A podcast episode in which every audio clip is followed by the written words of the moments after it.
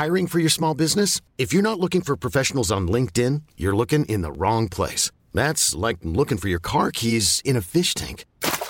LinkedIn helps you hire professionals you can't find anywhere else, even those who aren't actively searching for a new job but might be open to the perfect role. In a given month, over 70% of LinkedIn users don't even visit other leading job sites. So start looking in the right place. With LinkedIn, you can hire professionals like a professional. Post your free job on linkedin.com slash achieve today. Hey, it's Ryan Reynolds, and I'm here with Keith, co-star of my upcoming film, If, only in theaters May 17th. Do you want to tell people the big news?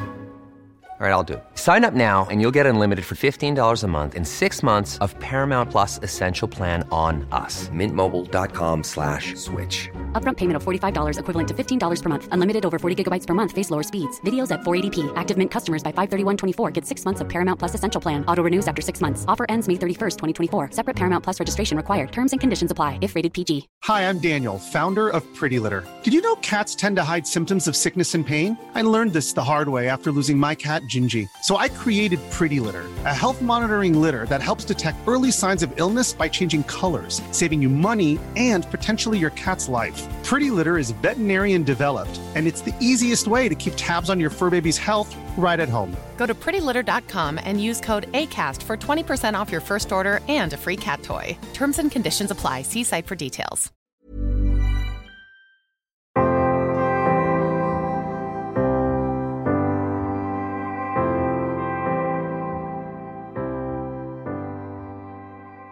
Hej och välkomna till Bröllopstankar.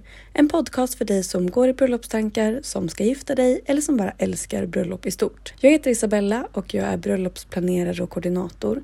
Och jag tycker att alla brudpar förtjänar en stressfri planering och att få njuta av sin bröllopsplanering och sin bröllopsdag. Därför startade jag den här podden för att kunna komma med tips och inspiration till hur ni planerar ert bröllop. Allt för att ni ska få ert drömbröllop. Och om ni vill komma i kontakt med mig för att ställa en fråga till podden eller komma med feedback eller bara komma i kontakt med mig som planerare, då når ni mig enklast på Instagram och där heter jag Isabellas event.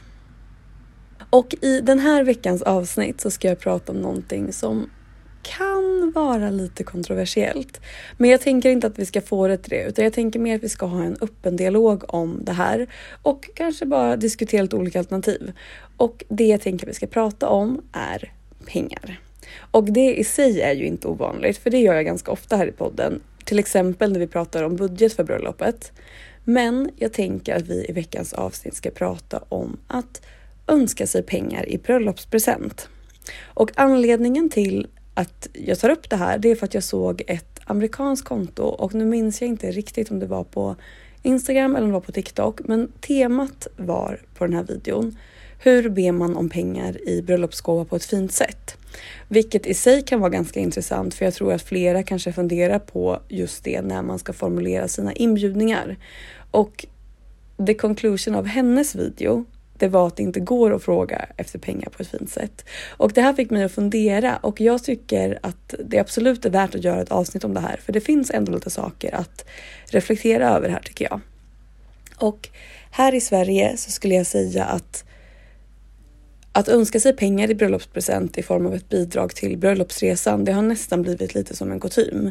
Och om man ska säga att i andra länder som i kanske USA eller England, då är det istället jättevanligt att man sätter upp en presentlista någonstans och att gästerna sen kan gå dit och ja, men plocka ut saker från den här listan och köpa till brudparet i bröllopspresent. Och det sättet upplever jag att många i Sverige skulle tycka var jätteobekvämt att be sina gäster om. Att så här, ska man önska sig presenter och sätta upp sig på en lista som folk känner sig tvungna att köpa ifrån? Det vill man kanske inte. Eller snarare kanske man känner att man inte behöver massa fler saker. Men däremot så har man lagt mycket pengar på sitt bröllop och då vill man hellre ja, men faktiskt kunna få lite pengar att lägga undan till sin bröllopsresa så att man hellre vill göra det. Men att man verkligen trycker på att bara om folk vill såklart. Men det här kan vara värt att fundera och tänka över för att det är också ganska mycket press att lägga på sina gäster. För jag tänker att det är lite samma sak som en klädkod. Att många brudpar vill inte sätta en klädkod för att man tänker att man vill underlätta för gästerna. Men saken är den att de absolut flesta faktiskt uppskattar att få en klädkod för då vet man vad man ska förhålla sig till. Om man har en ganska otydlig klädkod så kan det snarare göra att man kanske blir att det kan bli obekvämt för gästerna helt enkelt. För att vissa kanske då kommer känna sig väldigt underklädda eller väldigt överklädda. Och då kanske ni tänker så här, ja men det gör ingenting för oss. Vi vill att man ska få klä sig som man vill och att man ska få komma som man är. Och det är fint tänkt av er och det gör kanske inte någonting för er. Men för gästen så är det kanske inte så kul att känna sig fel. Och om jag bara ska prata utifrån mig själv så tycker jag faktiskt att det skulle vara jättejobbigt att komma på ett bröllop. Säg att man kanske inte heller är så jättenära brudparet och man kanske inte kan fråga liksom, några extra gånger vad det kommer vara för typ av stil och man kanske inte känner till er stil jättebra. Utan säg att man kanske är en någons plus en eller man kanske är en vän som är lite längre ifrån eller en kusin som man kanske inte är supernära. Och då skulle jag tycka att det var jättejobbigt att både komma över eller underklädd till ett bröllop för att man vill känna sig rätt. Och sen kanske inte ni tycker att det är några problem att en gäst kommer i en långklänning medan andra har, alla andra gäster har knälånga klänningar. Men för gästen som kommer där i sin långklänning kanske tycker att det är jättejobbigt. Eller tvärtom om alla andra har liksom galaklänningar och någon kommer i en enklare sommarklänning. Det kanske är jobbigt för den personen, även om er tanke att man bara ska få komma som man vill är god. Så därför så tycker jag att man ska göra sina gäster en tjänst och faktiskt alltid skriva ut klädkoden. Och även om inte det känns viktigt för er så är tydlighet skönt för folk. Och det är verkligen inte stroppigt, det är inte stelt att skriva ut det och det är inte att kräva för mycket av sina gäster utan det är faktiskt snällt. Just för att det skapar trygghet och att man kan fokusera på annat och inte oroa sig för att man ska ha rätt kläder på sig. Och nu blev det ett litet sidospår här, men det finns en poäng med det vad jag säger och det är att precis på samma sätt som det kan vara skönt att veta vad man förväntas att ha på sig så kan det vara ganska skönt att veta vad som förväntas när det gäller presenter. För även ifall ni helt på riktigt känner att det inte gör någonting om några väljer att inte ge någonting alls eller om någon väljer att ge några hundralappar eller om någon väljer att ge tusenlappar så kan det också vara någonting som känns jobbigt för gästerna för att man inte riktigt vet vad som förväntas av en. För att det blir ju så otroligt tydligt vad man faktiskt ger. Om man sätter upp sig på en lista någonstans till exempel så kan man ju välja massa olika nivåer och olika prisklasser. Så att om man sätter upp sig då som gäst på en sak som är lite billigare så har man ändå visat sin omtanke. Men att så swisha 300 kronor kanske inte känns lika kul för man kanske inte vill verka snål eller man kanske inte liksom vet vart man ska ligga. Och man vet inte hur mycket andra ger och man vet inte vad som förväntas av en och då kan det kännas jättejobbigt. Och jag har sett att det verkar cirkulera ibland något typ av rykte att det man förväntas betala som bröllopspresent är typ lika mycket som ett kuvertpris. Och så är det inte. Det, det finns inte någon sån kutym att det skulle finnas en sån en sån gräns att det är det som man som gäst förväntas att ge. Och om det är det som kanske någonstans är era förväntningar så är ju det kanske jättejobbigt då om det blir så att era kompisar eller era, de som är bjudna på bröllopet kanske för över en tredjedel eller en femtedel av det till er. Och no, om det är någon som sticker ut jättemycket, både om man ger liksom mycket mer än vad alla andra verkar ge eller om man ger mycket mindre än vad alla andra verkar ge. Och den här gränsen vet ju inte gästen. Så att istället för att ni gör det enkelt för dem för att ni är liksom lite blygsamma och inte vill önska er någonting men ändå önskar sig någonting så kan man faktiskt skapa ganska mycket ångest hos gästerna tänker jag. Och det här kan ju också vara olika och ni vet ju ert sällskap bäst och ni vet ju vilka ni bjuder och ni vet hur liksom det här kanske har tagits emot runt er och i er umgängeskrets tidigare. Men jag tycker ändå att det kan vara värt att fundera på att det faktiskt är så här det också kan uppfattas. Om man nu funderar på om man ska sätta upp en lista eller om man ska önska sig pengar. Ehm, men om man nu redan har önskat sig pengar och hur ska man då göra det på ett sätt så att det ändå känns ja, men så enkelt, så bra som möjligt för gästerna? Och då kanske det ändå är att man ska kunna göra det anonymt också. Och i jättemånga andra kulturer så är det ju verkligen så att man som gäst förväntas lämna pengar på bröllopet. Och det som är vanligt då, det är att man har en typ av låda som gästerna kan liksom lämna kuvert i.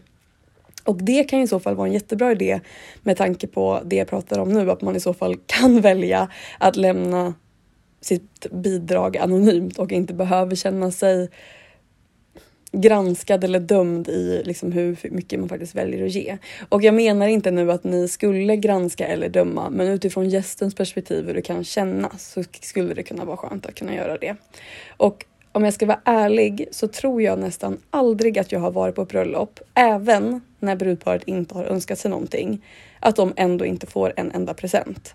Och det kan ju vara så att vissa gäster är mer bekväma då att man kanske ger en mindre symbolisk present istället för att man verkligen har en siffra på hur mycket man lägger. Och att det då blir något kanske ja, men symboliskt och att det är tanken som räknas. För jag tänker att det finns kanske också en anledning till att när man brukar ge bort en present så brukar man liksom plocka bort prislappen för att man inte vill att det ska vara så tydligt vad kanske det har kostat. Men när det kommer till bröllop och bröllopspresenter så har det nästan blivit vanligare här i Sverige att man bara ger en prislapp. Och det är ju en ganska stor skillnad på de sakerna och kanske inte någonting som alla är bekväma med. Och jag skulle faktiskt säga att även om man inte önskar sig någonting så kommer ändå de som vill ge någonting att göra det. Så egentligen så är det kanske inte alltid nödvändigt att skriva ut det här vad man önskar sig för typ av gåva för bröllopsresan för att det får ni kanske ändå. Och jag tycker att det är kan vara lite farligt att räkna med att det kommer täcka kanske en del av budgeten för bröllopet eller att man liksom ja, men nästan tar för givet med att vi kan åka på den här bröllopsresan om vi får så här mycket pengar. Och det är viktigt att tänka på det i början när man börjar planera sitt bröllop och man då går igenom budgeten. Att faktiskt tänka på, men hur ska vi finansiera det här? Och om man då räknar med att det är gästerna som ska vara med och betala det här i form av att de kommer ge pengar i bröllopspresent så är det lite farligt tror jag. För att ni vet ju inte hur mycket de kommer ge och hur mycket det faktiskt kommer täcka. Så att jag tycker att det är bättre i så fall att man sänker förväntningarna och att man sänker kraven på bröllopet. Kanske till och med att man minskar gästlistan, vilket kan vara ett ganska bra sätt att behålla kvalitet på bröllopet men minska i budgeten.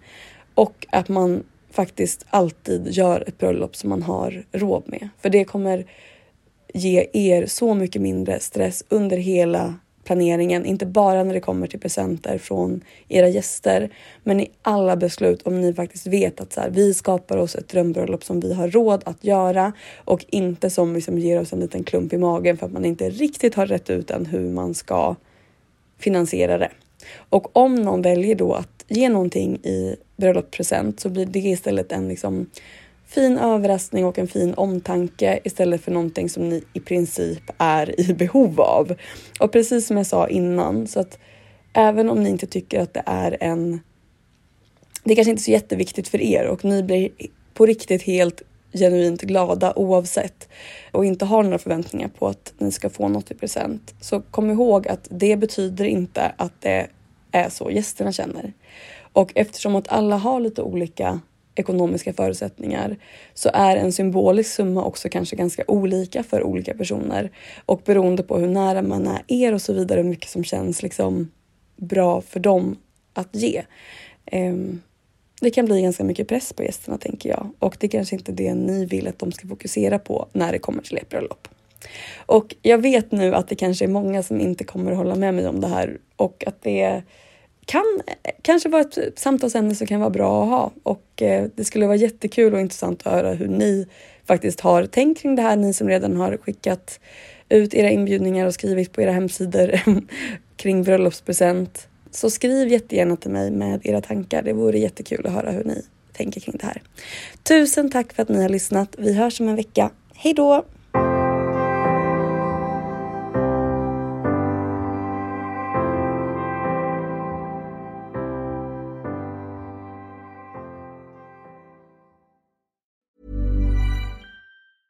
Hi, I'm Daniel, founder of Pretty Litter. Did you know cats tend to hide symptoms of sickness and pain? I learned this the hard way after losing my cat, Gingy. So I created Pretty Litter, a health monitoring litter that helps detect early signs of illness by changing colors, saving you money and potentially your cat's life. Pretty Litter is veterinarian developed, and it's the easiest way to keep tabs on your fur baby's health right at home. Go to prettylitter.com and use code ACAST for 20% off your first order and a free cat toy. Terms and conditions apply. See site for details.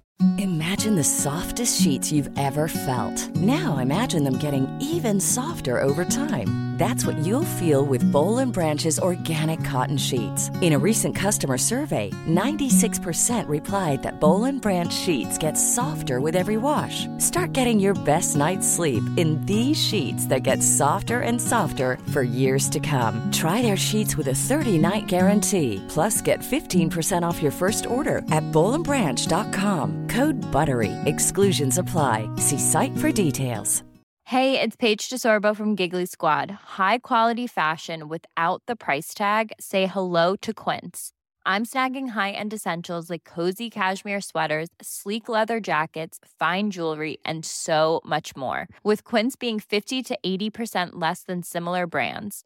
And they partner with factories that prioritize safe, ethical, and responsible manufacturing. I love that. Luxury quality within reach. Go to quince.com slash style to get free shipping and 365 day returns on your next order. Quince.com slash style.